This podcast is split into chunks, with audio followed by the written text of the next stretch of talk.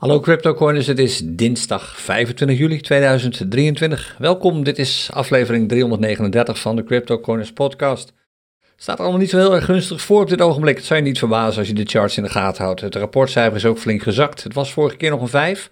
Afgelopen donderdag was dat. En vandaag komen we niet boven de 2 uit. In ieder geval op dit ogenblik niet. Het kan in de loop van de dag nog een beetje aantrekken, maar verwacht het eerlijk gezegd niet. Het is allemaal een beetje malaise nu. Voordat we aan de slag gaan met die charts, heb ik nog wat uh, nieuws voor je, als je dat niet al hebt meegekregen, over dat nieuwe initiatief van de man die ook OpenAI min of meer heeft bedacht, Sam Altman. Dat gaat over de WorldCoin. Dat doen we zo meteen. Eerst nog even wat uh, interne informatie. Uh, vanavond, om te beginnen, is het weer zover. Dan gaan we aan de slag op Patreon, ons speciale platform voor mensen die nog serieuzer aan de slag gaan met crypto en met geld. Ons Money Professionals platform. Vanavond om 7 uur doen we samen met Kevan en met Vivi, die is er ook bij, weer een QA. Dat hebben we eerder gedaan, volgens mij een maandje geleden. Dat was een enorm succes. Als ik de deelnemers mag geloven die er allemaal bij waren. Dus dat gaan we herhalen vanavond om 7 uur op Patreon. Ben je lid van ons Patreon platform, dan wil je daar absoluut bij zijn. www.cryptocoins.nl Patreon. Dan morgen is het weer woensdag. Ik heb oorspronkelijk gezegd dat we morgenavond zouden gaan live op Bitfavo. Maar je hebt dat misschien meegekregen. Er zijn wat probleempjes bij Bitfavo. Uh, ze hebben flink wat onderhoudswerkzaamheden verricht. En nog steeds is niet alles op orde. Als je de app krijgt, hebt, dan krijg je regelmatig ook uh, wat waarschuwingen te zien. En ik vind het simpelweg niet uh, clever om dit ogenblik met de huidige API-status op Bitfavo actief aan de slag te gaan. Dus dat doen we even niet. Morgenavond gaan we weer met Qcoin aan het werk. Dus als je nog geen account hebt op Qcoin, zou je kunnen overwegen om dat nog even af te sluiten. Uh, je krijgt ook een mooie referral link korting. Wij krijgen trouwens daar ook wat van. Uh, als je besluit te, lid te worden van Qcoin via cryptocoins.nl slash Qcoin. Maar dat weet je allemaal al lang als je heeft meegedaan aan onze Binance Stopt in Nederland week natuurlijk. Um, donderdagavond is Kevan er weer in het Crypto Coins Clubhuis uh, om half acht. En gisteravond, als het om live traden gaat, je ziet we zijn regelmatig live aan het werk. Gisteravond was er ook een live trading sessie eh, buiten zeg maar, het officiële CryptoCoins team om, georganiseerd door Cedar, op onze Samen Traden Discord server. Dat doet hij in principe elke maandagavond. We proberen dat ook zo goed als het kan aan te kondigen via onze nieuwskanalen natuurlijk op Telegram. Maar als je daar een keer bij wilt zijn, dan raad ik je aan om absoluut lid te worden van ons eh, Samen Traden platform. De link Staat nu ook in beeld als je meekijkt, is uh, www.cryptocorners.nl slash samen traden. Nou, tot zover even de nieuws van ons. Het is natuurlijk een beetje komkommertijd, het is hoog zomer op het ogenblik, maar er is wel weer wat interessants aan de hand. Misschien heb je meegekregen dat er een coin massaal is gelist op dit ogenblik op een groot aantal handelsplatformen. Natuurlijk Binance, maar dat is voor veel Nederlanders, of eigenlijk voor alle Nederlanders die in Nederland wonen, niet meer relevant. Maar ook op Qcoin en Bybit kom je hem inmiddels tegen de WLD, oftewel de WorldCoin. En daar is nogal wat over te doen op het ogenblik. Het um, is normaal gesproken niet echt de filosofie van CryptoCoiners om in een podcast uitgebreid in te gaan op een specifieke altcoin. Waarom doen we het nu wel? Nu wel? Nou, omdat dit een altcoin is die toch wel een belangrijke missie heeft. Ze willen eigenlijk gewoon met deze altcoin de wereld veranderen. En ze is met name Sam Altman. Die naam heb je misschien wel eens gehoord. Hij is een van de grondleggers van het OpenAI-platform, oftewel ChatGPT, ongetwijfeld van gehoord. Maar samen met een paar andere mensen heeft hij nog een ander project gestart. Is hij volgens mij al mee begonnen voordat ChatGPT sowieso uh, bekend werd. Dat is de WorldCoin. En WorldCoin uh, is een token. Een token die uh, in principe draait op de Ethereum blockchain.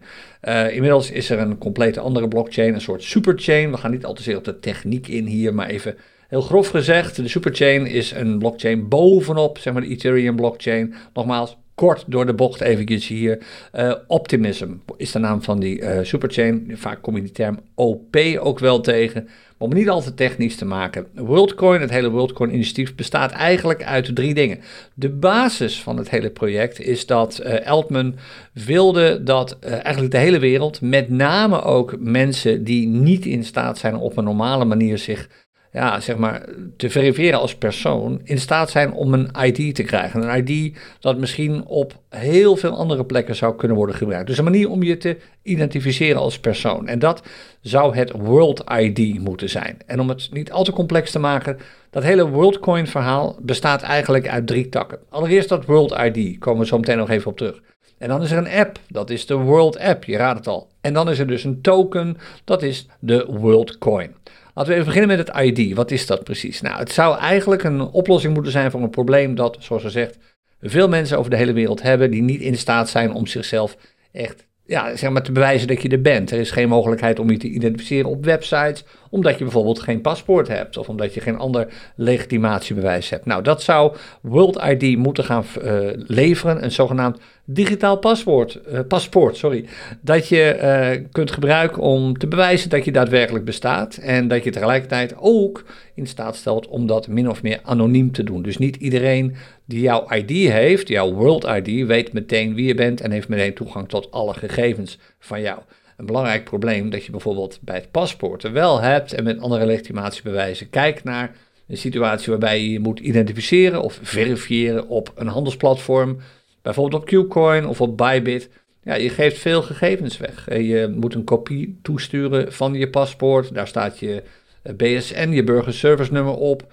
En dat is informatie die je misschien niet meteen wil delen met een platform dat je niet kent, want je weet nooit of daar misschien niet gewoon een keer misbruik van wordt gemaakt. Nou, World ID zou zelfs dat probleem kunnen oplossen. Let op, zou kunnen. Zover is het allemaal nog lang nog niet.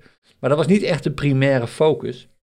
De primaire focus was eerder zorgen dat mensen die helemaal geen paspoort hebben en er gewoon niet aan kunnen komen, omdat het gewoon eigenlijk nauwelijks beschikbaar is voor het land waarin je woont in staat zijn om toch aan een ID te komen. En dat World ID, dat kun je op dit ogenblik al krijgen via een zogenaamde ORB. En een ORB is een apparaat, daar bestaan er op dit ogenblik een aantal van op de hele wereld. Zijn niet zo heel veel nog, een enkele tientallen. Ook nog niet overal beschikbaar. Dit rolt echt heel langzaam uit. Het, is een, het ziet er ook uit als een bol eigenlijk. En het is een apparaat wat in staat stelt om jouw iris te scannen. En dat vervolgens op basis daarvan uniek World ID genereert. En dat gebeurt dus daadwerkelijk ook in het echt. Het is niet zo dat je uh, dat gewoon online kunt doen of zo. Nee, je moet naar een plek toe waar je daadwerkelijk in zo'n orb even, of aan zo'n orb even je oog laat zien. Het wordt gescand. Verder niets anders. Dus er wordt geen e-mailadres opgeslagen. Er worden verder geen namen bewaard of iets dergelijks. Nee, het is een manier om jezelf te identificeren die min of meer anoniem is. Dat wordt pseudoniem genoemd eigenlijk.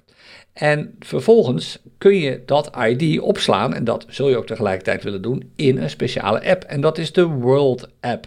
Een app die je op dit ogenblik al kunt installeren, op je smartphone bijvoorbeeld. Het is eigenlijk, tenminste zo zie ik het, is eigenlijk niets anders dan een, een, een behoorlijk gelimiteerde uh, wallet. Gewoon een, een wallet waarin je crypto kunt bewaren. Niet zo heel veel munten kun je erin stoppen op dit ogenblik, maar je kunt er crypto inzetten en het is dus nauw gekoppeld aan jouw World ID. Dus dat is eigenlijk de basis van alles. Eigenlijk die app. Nou, die World app, die heeft dus jouw World ID uiteindelijk opgeslagen. En als dat eenmaal het geval is, kun je ook daadwerkelijk met die app gaan betalen. En kun je die app gebruiken om misschien op termijn nog veel meer dingen te doen. Dus online bijvoorbeeld te bewijzen dat je echt bestaat, dat je een persoon bent. En je kunt misschien afhankelijk van het land waarin je woont gebruik maken van coin drops, gratis tokens die je krijgt uitgedeeld. Maar nogmaals, alleen maar als je in bepaalde landen woont. Landen woont dat geldt zeker niet voor Europa, het geldt zeker ook niet voor Amerika. En de planning is dus, of eigenlijk de strategie erachter is, dat straks iedereen die World App op zijn smart uh, smartphone heeft staan, iedereen zich heeft gelegitimeerd of via zo'n orb kenbaar heeft gemaakt. Uh, en dus over een World ID beschikt. En vervolgens met die World App ook daadwerkelijk gaat betalen. Nou, die token bestaat dus nu ook al. Dat is de WLD, de World Coin. Er worden er 10 miljard van uitgebracht, is de planning. Dat is het absolute maximum. En er is ook een, het is eigenlijk gewoon een ETH. Het is een smart contract dat draait op de Ethereum blockchain.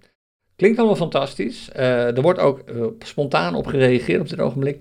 De munt bestaat nu, zoals ze zegt, op een aantal handelsplatformen. Binance, Qcoin, Bybit, zo'n beetje elk handelsplatform. Heeft op dit ogenblik WorldCoin al, of heeft hem waarschijnlijk binnenkort wel. En de prijs ervan steeg, volgens mij is het ding gisteren uitgekomen of gisteren gelist. Steeg meteen in een dagtijd met ongeveer 30%. Dus je zou zeggen, fantastisch, iedereen gaat helemaal vol voor de WorldCoin. Nou, dat is niet helemaal waar. Er bestaat namelijk ook best wel wat onrust. Uh, met name mensen die uh, zich nogal bezighouden met uh, privacyrechten. Die zeggen van nou, het is allemaal toch wel een beetje een scenario dat een beetje lijkt op die grimmige scenario's die je tegenkomt in bepaalde films. Zoals bijvoorbeeld Blade Runner en misschien ook wel Minority Report en zo. Het heeft een beetje een, een dystopie-achtig of een dystopisch achtig iets. Een beetje nachtmerrie, een beetje somber en zo allemaal. Is het sfeertje eromheen. Het is helemaal aan jou om uiteindelijk te beslissen of het zo is. Andere, er zijn ook mensen die zeggen van, dit is allemaal niet zo heel duidelijk hoe het nou op de achtergrond allemaal werkt. Dus hoewel er wordt gezegd dat het allemaal super gedecentraliseerd is, het is allemaal niet zo heel transparant voor ons. En het is ook maar de vraag of dit allemaal helemaal ethisch is wat er nu gebeurt. En een belangrijke persoon uh, in de crypto-wereld is natuurlijk uh, Vitalik Buterin. En die heeft al gezegd, ja, die heeft vanochtend, het is nu kwart voor twaalf als ik dit opneem, dinsdag. Hij heeft vanochtend gezegd in een blog, of gisteravond, er zijn een paar risico's. vier noemde hij er, ik pik er even twee uit. Hij zegt het eerste is, in feite zou dus op het moment dat jij daadwerkelijk een WorldCoin of een World ID hebt, doordat jouw iris is gescand door zo'n orb, zouden anderen ook jouw iris kunnen scannen en dan uit de WorldCoin database, wat in feite gewoon een blockchain is, informatie over jou kunnen halen. Nou, het hangt er dus helemaal vanaf, nogmaals, wat voor informatie er in die database wordt opgeslagen. Op dit ogenblik is het zo dat jouw World ID niet kan worden herleid naar jouw feitelijke naar je feitelijke identiteit, naar je paspoortgegevens bijvoorbeeld. Het is pseudoniem, zoals dat wordt gezegd. En, en dat is een, ook interessant om over na te denken, uh, Vitalik zegt van, die hele foundation die hierachter zit, die WorldCoin Foundation, die zou in principe nog steeds in staat zijn om in de software die hierbij hoort een achterdeurtje in te bouwen en op basis daarvan bijvoorbeeld nep-identiteiten en zo te kunnen creëren. Er zijn allerlei, er wordt heel veel over gespeculeerd. Er is natuurlijk heel veel kritiek over. Uh, ik heb er op dit ogenblik officieel publiek gezien niet echt een mening over, anders dan van het is iets wat gebeurt. Het is een ontwikkeling die je in de gaten wilt houden. En je zou eigenlijk ook weer puur op basis van een fundamentele analyse kunnen beslissen of niet kunnen beslissen om te investeren in deze coin. En gewoon eens te kijken of het zin heeft uh, om dit als een beleggings iets te zien. Je weet immers maar nooit. Maar ja, je kunt ook speculeren natuurlijk, omdat je niet zin hebt om een fundamentele analyse te doen. En gewoon eens een aantal van die coins kopen. Het is verder helemaal aan jou om er wel of niet wat mee te doen. Maar het is een belangrijk iets dat op dit ogenblik, zeker in de huidige tijd, de cryptowereld nogal uh, bezighoudt. Die hele WLD-listing en wat het allemaal gaat worden en zo. De prijs van zo'n WLD'tje is op dit ogenblik ongeveer op rond de 2 dollar, geloof ik. Tot zover even WLD. Ik ben benieuwd wat jij ervan vindt, hoe je deze ontwikkeling ziet. En als je een gefundeerd antwoord hebt en een gestructureerd antwoord en niet alleen maar uh, zo van, nou, ik weet het allemaal nog niet, ik zie het wel, maar echt iets uh, over wilt, uh, kwijt wilt, aarzel niet aan reageren even op deze podcastaflevering. Dat kan op onze podcastpagina op CryptoCoins. Kan ook als je deze podcast bijvoorbeeld op YouTube hoort en ziet op YouTube zelf. En wat dat betreft, mooi bruggetje naar de slides. Zie je dit nu op YouTube, dan zie je op dit ogenblik ook de slides in beeld. En de eerste slide die we hier hebben is de Bitcoin weekchart. Die was al bullish, die is nog steeds bullish. Uh, vorige week zei ik nog van nou, ik denk dat we de piek wel hebben bereikt. Dat was de piek van de week van uh, eh, 10 juli, dus inmiddels alweer twee candles geleden. En toen zei ik van nou, ik denk dat we nu wel op weg gaan naar een nieuwe trough. En dat lijkt inderdaad het geval te zijn. Kijk, als je de candle van deze week bekijkt, die we dus nog niet meerekenen, maar die wel een zichtbaar patroon heeft dat niet meer ongedaan kan worden gemaakt met een behoorlijk lage low, dan kun je niet anders dan concluderen dat we nu op weg zijn naar die nieuwe trough. En dat zie je nu ook weergegeven in het statusvenstertje erbij. En dat betekent eigenlijk het volgende. We zijn nu op dit ogenblik aan het dalen in een bullish trend met hogere pieken, hogere dalen. We hebben een hogere piek te pakken. Als het dal dat we nu gaan zien hoger is dan het vorige dal dat we hebben gezien inmiddels uh, ruime maand, anderhalve maand geleden, namelijk het dal van 12 juni, dan blijft de trend gewoon nog steeds bullish. We hebben alvast even vooruitlopend op wat we zo meteen veel duidelijker gaan zien op de urenchart. We hebben een behoorlijke dip gezien. De prijs is even flink gezakt. Maar dat wil niet zeggen dat we nu opeens berries zijn geworden of zo. De weekchart blijft nog steeds bullish. Er is nog steeds niks aan de hand. Het enige wat je wilt is dat het volgende dal sowieso hoger blijft dan het vorige. En zelfs als dat niet zo zou zijn, zelfs als we prijsdalingen zouden gaan zien richting de 20.000 of richting de 25.000, wat door heel veel mensen nu wordt gezien als een soort nachtmerriescenario, is er eigenlijk gewoon nog steeds helemaal niets aan de hand. We blijven gewoon bullish, want we hebben alleen maar een lager dal hebben nog steeds geen lagere piek. Dat komt allemaal nog daarna. Dus de trend, en als je een beetje uitzoomt op deze chart, zie je dat ook gewoon. Is heel duidelijk, hogere pieken, hogere dalen, dus gewoon bullish. Waar ik op let op dit ogenblik is natuurlijk die OBV, die Unbalanced Volume Indicator. Het is op dit ogenblik het enige, of de enige indicator van de indicators die wij eh, op deze chart hebben staan, die een signaal afgeeft dat niet bullish is. Vorige week is uh, de gele lijn, dus de OBV zelf, door zijn eigen voortschrijdende gemiddelde heen gedoken. En dat maakt hem eigenlijk, als je naar de candlestick van vorige week kijkt, neutraal op dit ogenblik. De OBV is niet bullish meer, wat hij een aantal weken op rij is geweest. En je wilt weer zo'n bullish signaal zien. En als die OBV gelijk krijgt op dit ogenblik, of gelijk krijgt, wat hij vaak doet, gaan we zo meteen nog een mooi voorbeeld van zien. Dan zou je nu kunnen zeggen, oh, het is allemaal nog wel bullish, maar er is een eerste voorteken dat dat niet zo blijft. Dus een beetje vroeg nog, hè, want we hebben nog geen bearish OBV, omdat de candle van deze week natuurlijk nog niet klaar is. Maar ik houd hem wel heel erg in de gaten op dit ogenblik.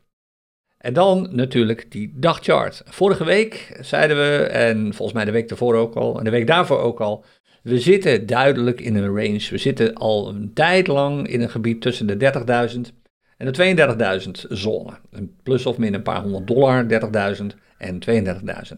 Dus, zei ik vorige week, de chart is bullish, maar echt overtuigend is het allemaal niet. Uh, we hebben ook nog niet echt een serieuze beweging te zien naar boven of naar beneden daar zitten we eigenlijk echt op te wachten. Een kwestie van tijd voordat die serieuze beweging komt.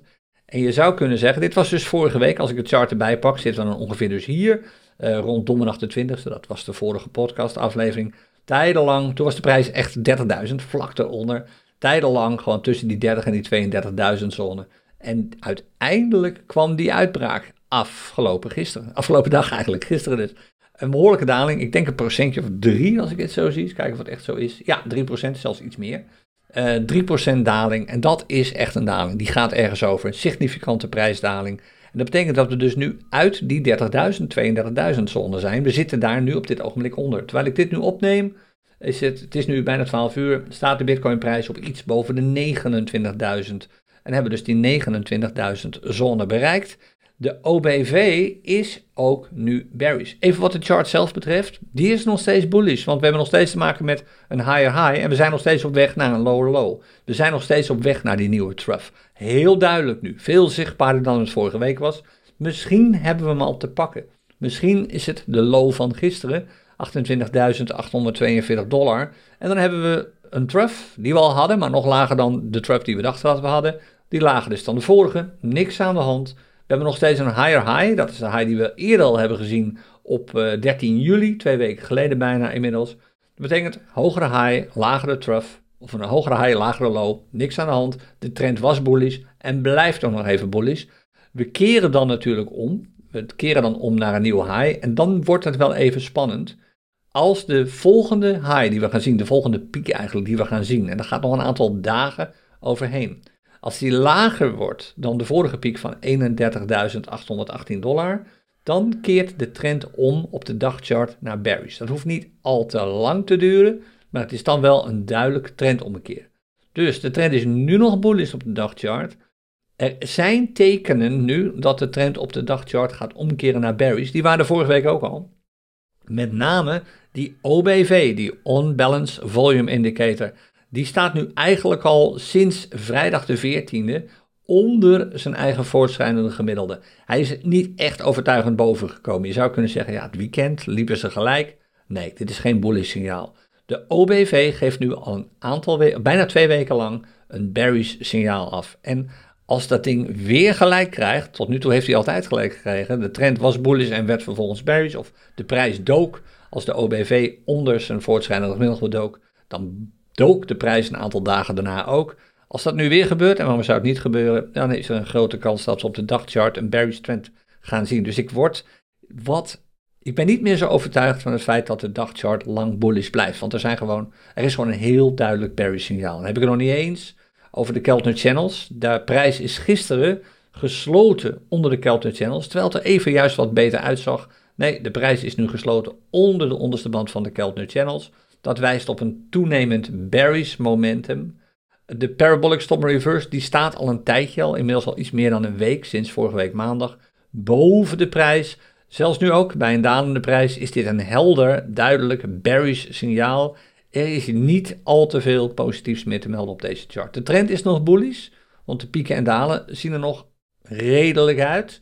Maar voor de rest wijst alles eerder op een bearish trendontwikkeling.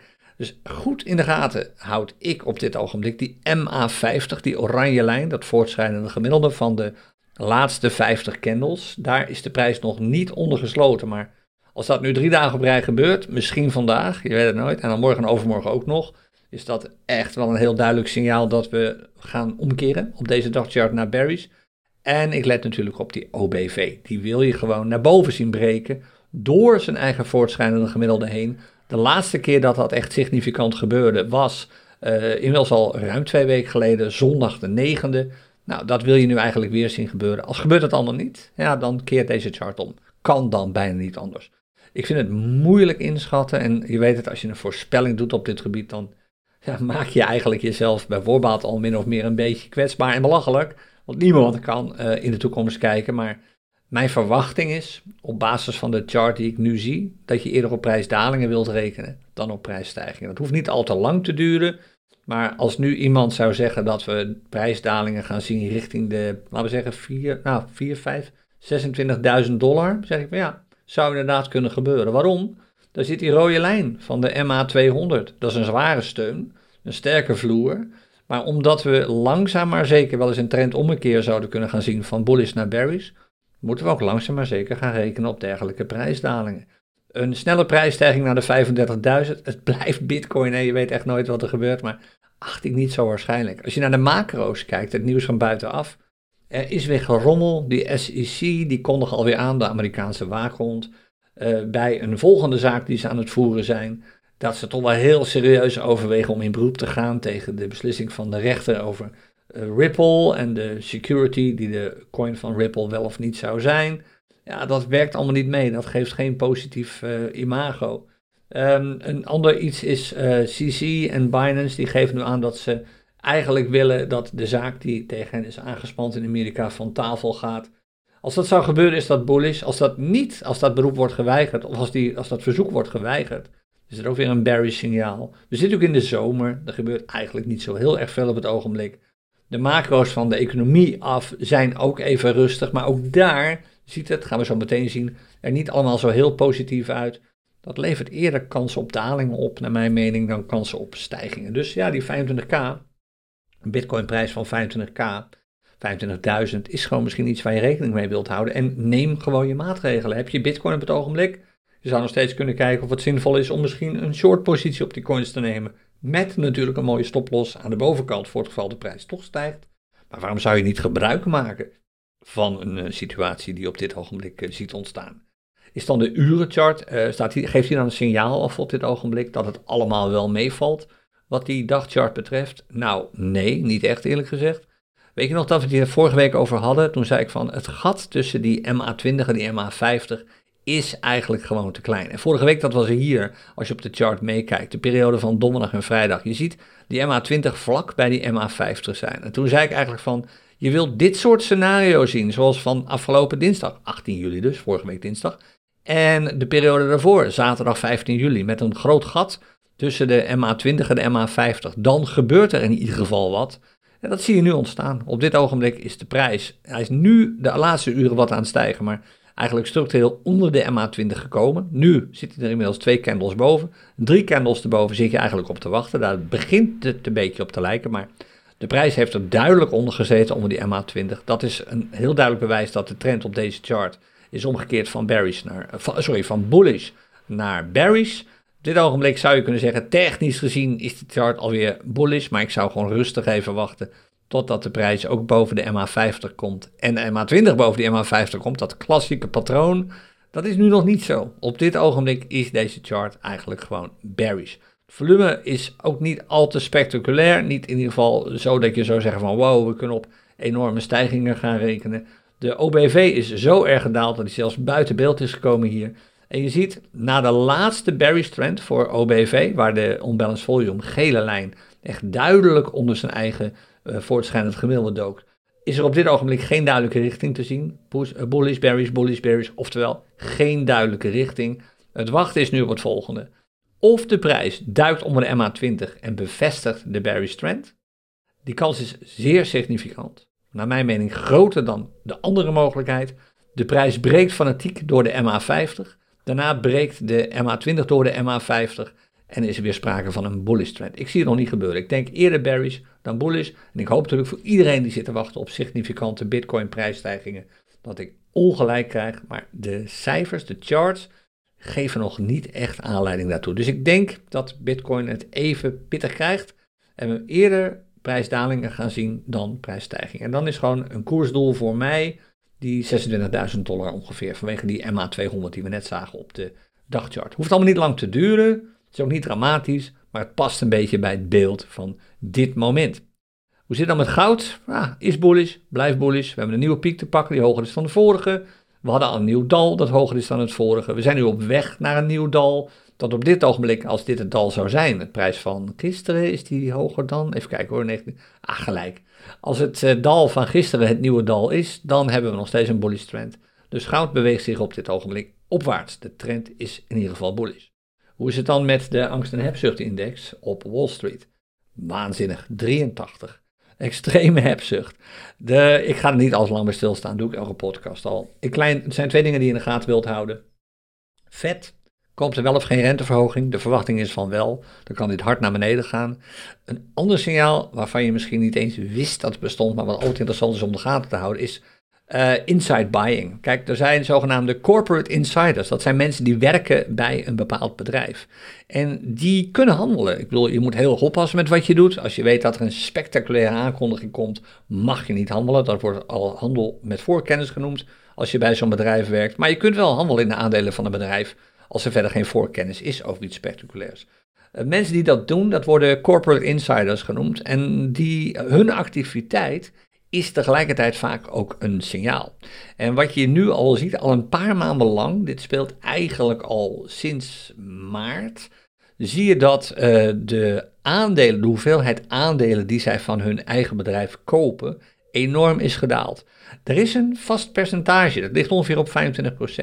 25% van de aandelen die worden gekocht, normaal gesproken, worden door insiders gekocht, corporate insiders. En dat is nu niet zo. Het is nog niet eens de helft. Het is geloof ik 12% of zo. En dat is het nu al een paar maanden op rij. Dus er, wordt, er is duidelijk minder belangstelling voor mensen die bij bedrijven werken om de aandelen van de bedrijven zelf te kopen. Dat is een extreem bearish teken. De laatste keer dat we dat zo duidelijk zagen is alweer een paar jaar terug. Dat was uh, eind 21. Uh, eh, vlak voordat de crisis uitbrak vanwege de inval. En toen zagen we ook een enorme drop. Toen zijn we, uh, kijk maar naar de chart hier, dan zie je Fair staan een jaar geleden. Toen hebben we exact hetzelfde gezien. Het, een duidelijk signaal kwam toen van de bereidheid van corporate insiders, zoals ze worden genoemd, om de aandelen van hun eigen club te kopen. Nou, dat zie je nu ook weer, dat loopt terug. En dat is een bearish signaal. Dus dit kan gewoon niet al te lang meer duren. Het is niet iets wat meteen gebeurt. Er zit vaak één of twee maanden tussen voordat het echt uitbreekt. Maar we zien het nu echt al sinds maart, denk ik. Dus drie, vier maanden. Kwestie van tijd. Dit kan niet lang meer duren voordat we hier een dip gaan zien. En dan nog even de heatmap. Hoe ziet die eruit op het ogenblik? Nou, we hebben hem als basis gebruikt natuurlijk voor het rapportcijfer. Dat uh, niet hoog was, dat zei ik net al. Dat is flink gedaald. We gingen van een uh, 5 uh, vorige week nog naar opeens een 2. De heatmap is een van de oorzaken voor dat lage rapportcijfer. En het heat, de heatmap is overwegend roze op het ogenblik. De meeste prijzen zijn gedaald. Toen ik begon aan de voorbereidingen van de opname van vandaag, was eigenlijk alles rood. Ether is inmiddels wat gestegen. BNB is ook een klein beetje gestegen. De uitzondering was Doge met name. Dat komt natuurlijk door de uitlating van Elon Musk. Die het Doge-logo weer eens een keertje prominent heeft neergezet. Elon Musk is met nog wat meer dingen bezig natuurlijk, zoals het veranderen van de naam van Twitter. Misschien gaat het X heten, wat behoorlijk zou aansluiten bij, uh, bij de namen van zijn andere producten. Sommigen zeggen, nou, dat is een wraakactie van Elon Musk, want eindelijk heeft hij die naam weer terug. Valt een beetje buiten het hele crypto-verhaal, maar het is altijd interessant om te volgen waar deze man mee bezig is. Is hij nu wel van het padje of niet? Heeft hij misschien toch de verkeerde dingen gerookt of niet? We gaan het allemaal meemaken. In ieder geval, Doge heeft zich op dit ogenblik qua prijsontwikkeling uh, best aardig gemanifesteerd. Nou, de verder, de rest is roze. Verklaart ook het rapportcijfer dat het natuurlijk maar een 2 is, in plaats van de 4 die het anders was geweest. Zal wel weer bijtrekken dit de komende uren, want de dip is nu waarschijnlijk wel even voorbij, die enorme prijsdip. Zien we dat ook terug in de cryptocurrency scanner? Nou, we zien veel meldingen op dit ogenblik uh, voorbij komen. Uh, het is gewoon levendig op de markt, dat is heel duidelijk. Maar ik zal trouwens die meldingen even stoppen, want dat zijn er echt heel veel. Je ziet hier al wel aan de meldingen dat als er markttrends te berekenen zijn, zijn er toch wel heel veel bearish markttrends bij. Er zijn absoluut ook nog wel bullish markten te vinden, maar kijk, de markttrend voor veel munten is op dit ogenblik eerder bearish dan bullish. Dat is iets om in de gaten te houden. En dat blijkt ook wel een beetje als je kijkt naar de markttrend uh, die wij altijd berekenen. Als we beginnen met de trend op de dollarmarkt op dit ogenblik. Vorige week, de laatste podcast die ik opnam, toen zaten we nog op de, even scrollen hoor, uh, 5,2% berries. Toen was het uh, aan het, het werd meer berries. Nou, het is nu nog veel meer berries geworden. Inmiddels is het al 21,1% berries. En dit kon je eigenlijk al min of meer zien aankomen als je keek naar de malaise de afgelopen dagen, waarin we eigenlijk alleen maar prijsdaling hebben gezien. De bitcoin stond een tijd lang nog in die 30.000 zone, tussen de 30.000 en de 32.000. Maar als je de urenchart erbij pakt, dan zie je dat hier sinds afgelopen zondag, en dit is met name Azië dat dan toen natuurlijk open ging, de prijzen behoorlijk al onder druk begonnen te komen en uiteindelijk zijn gedaald. Flink zijn geklapt. Dit levert nu een structurele trendwijziging op van klein beetje bullish naar behoorlijk bullish. Iets om absoluut uh, in de gaten te houden. 21,1% op het ogenblik. Ik zal het ook even opschrijven dat ik het uh, voor morgen of overmorgen weer kan vergelijken. Uh, je kijkt kijk ook naar de marktparen zelf. Er is geen marktpaar dat 100% bullish is. Trouwens ook geen marktpaar te vinden op dit ogenblik dat 100% bearish is. Maar een kwestie van tijd voordat het wel gebeurt. Het is wel heel opvallend. De tiende plek wordt in beslag genomen door een munt met, maar een, met nog geen 80% bullish markttrend op dit ogenblik. En alle 10 bearish munten zijn 99% of meer bullish. Of bearish. Dat laat zien dat het overheersend bearish is op dit ogenblik. En 21% is echt al wel heftig. Daar wil je rekening mee houden als trader. De kans op win trades als je long gaat is niet zo heel hoog. En houd dus goed rekening mee. Wees extreem kritisch bij het bekijken van de charts waar je eventueel op wilt instappen. Want de kans dat je vervolgens het slachtoffer wordt van zo'n bearish trend is gewoon groter op dit ogenblik. De trend van de Bitcoin-markt, als je nog op Bitcoin aan het traden bent, je weet dat het volume op de handelsplatformen zoals Qcoin en Bybit voor standaard spot trades is natuurlijk extreem laag. Maar als je nog in staat bent om op Binance te traden, bijvoorbeeld omdat je niet in Nederland woont, dan zul je zien dat je daar ook niet echt heel erg blij van wordt. Het is min of meer 0% geworden. Kijk, het is 0,1% op het ogenblik. Het was vorige week, toen de laatste podcast opname afgelopen donderdag, stond dit nog op 13%. Ja, nu, als alles daalt, dan weet je, als Bitcoin daalt, dalen altcoins ook mee. Ja, dan weet je dat uh, trends ook gaan omkeren. Kwestie van tijd voordat. Ik ben benieuwd of dit naar Barry springt. Kan eigenlijk niet anders dan dat gebeurt. Uh, en dat betekent dat we aanstaande donderdag waarschijnlijk ook hier voor de Bitcoin chart trends, uh, markttrends, een bearish cijfer gaan zien. Dus onder 0%. Hoe is het dan met de barometer voor de Bitcoin munten? Vaak een graadmeter. We kijken op de Binance barometer, maar vaak een graadmeter voor andere handelsplatformen ook. En dan zie je dat de dagbarometer natuurlijk in de min staat, 0,6, maar dat 4 uur en de 1 uur barometer beginnen op te krabbelen. Dit is een prijsverhaal. Dus de gemiddelde prijzen in Bitcoin uitgedrukt zijn nu iets hoger dan een uur en vier uur geleden. Ze zullen waarschijnlijk nog wel wat hoger worden, want je ziet nu dat herstel ontstaan. De trends dus niet, het gaat praten puur over prijsontwikkeling hier. Maar sinds gisteren is het allemaal gedaald. Maar zeker als je erbij was afgelopen eh, zaterdag bij de Zeker Trader Clinic, dan weet je dat dit het moment is dat je voorzichtig weer aan het traden kunt gaan als je de standaard cryptocurrency day trading strategie volgt. Als je de 2.0 versie van onze strategie volgt, dan weet je dat die trends absoluut leidend zijn. Dan is de barometer niet interessant. Dan wil je goed in de gaten houden of de chart waar jij op wilt gaan instappen voor een long trade daadwerkelijk een bullish markttrend heeft. Zoals deze bijvoorbeeld pre versus de dollar. Maar voor de rest moet je flink terugscrollen om er een te vinden die echt overtuigend bullish is. Deze kun je echt meerekenen, is maar 12% bullish. Uh, deze is ook niet echt, hier zijn geen markttrends voor zichtbaar. Er is gewoon te weinig beweging in die markt om dat te kunnen zien. Je ziet hoeveel bearish meldingen er voorbij komen. Hier, high staat op 13,8% bullish, maar ook niet hier, ja, 35%. Hier, Sui komt uh, op Qcoin bijvoorbeeld met een markttrend van 35,2% bullish uit de bus. Dat is een tradable chart op het ogenblik, uh, volgens de CryptoCoins 2 strategie. Maar het is gewoon oppassen geblazen, dus houd het in de gaten. Wil je meer weten trouwens over die strategieën? Dan nodig ik je uit nogmaals om er morgenavond bij te zijn in het uh, CryptoCoins Café. We beginnen om half acht, gaan we live traden op Qcoin. Met waarschijnlijk de dollar als basismunt of de USDT. Eh, maar dat is alleen maar gunstig op dit ogenblik, want de prijs van Bitcoin daalt. Dat betekent dus dat zelfs als je je Bitcoin zou hebben verkocht om met die dollars aan traden te gaan en aan het eind van de dag weer Bitcoin terugkopen, zou je dubbele winst pakken. Je pakt winst op je dollar trades waarschijnlijk en je pakt winst omdat je meer Bitcoin krijgt voor dezelfde prijs. Dus dat is een, alweer een reden, de huidige prijsontwikkeling van Bitcoin, om daar niet al te lang mee te wachten, om daar niet al te moeilijk over te doen. Meer daarover morgenavond in het café. Als je uh, de podcast volgt, ik ben er donderdag weer met de volgende aflevering. Maar zoals gezegd, vanavond op Patreon bij onze Q&A. Uh, samen met Kevan, die binnenkort aanreist. Die komt hier straks binnen, huppel als het goed is. En dat geldt ook voor Vivi, die is hier inmiddels al. En dan gaan we er een gezellige en vooral leerzame avond van maken met z'n allen op Patreon. Misschien tot dan, anders morgen bij het café. En anders donderdagochtend bij de volgende aflevering van de podcast. Tot dan, dag.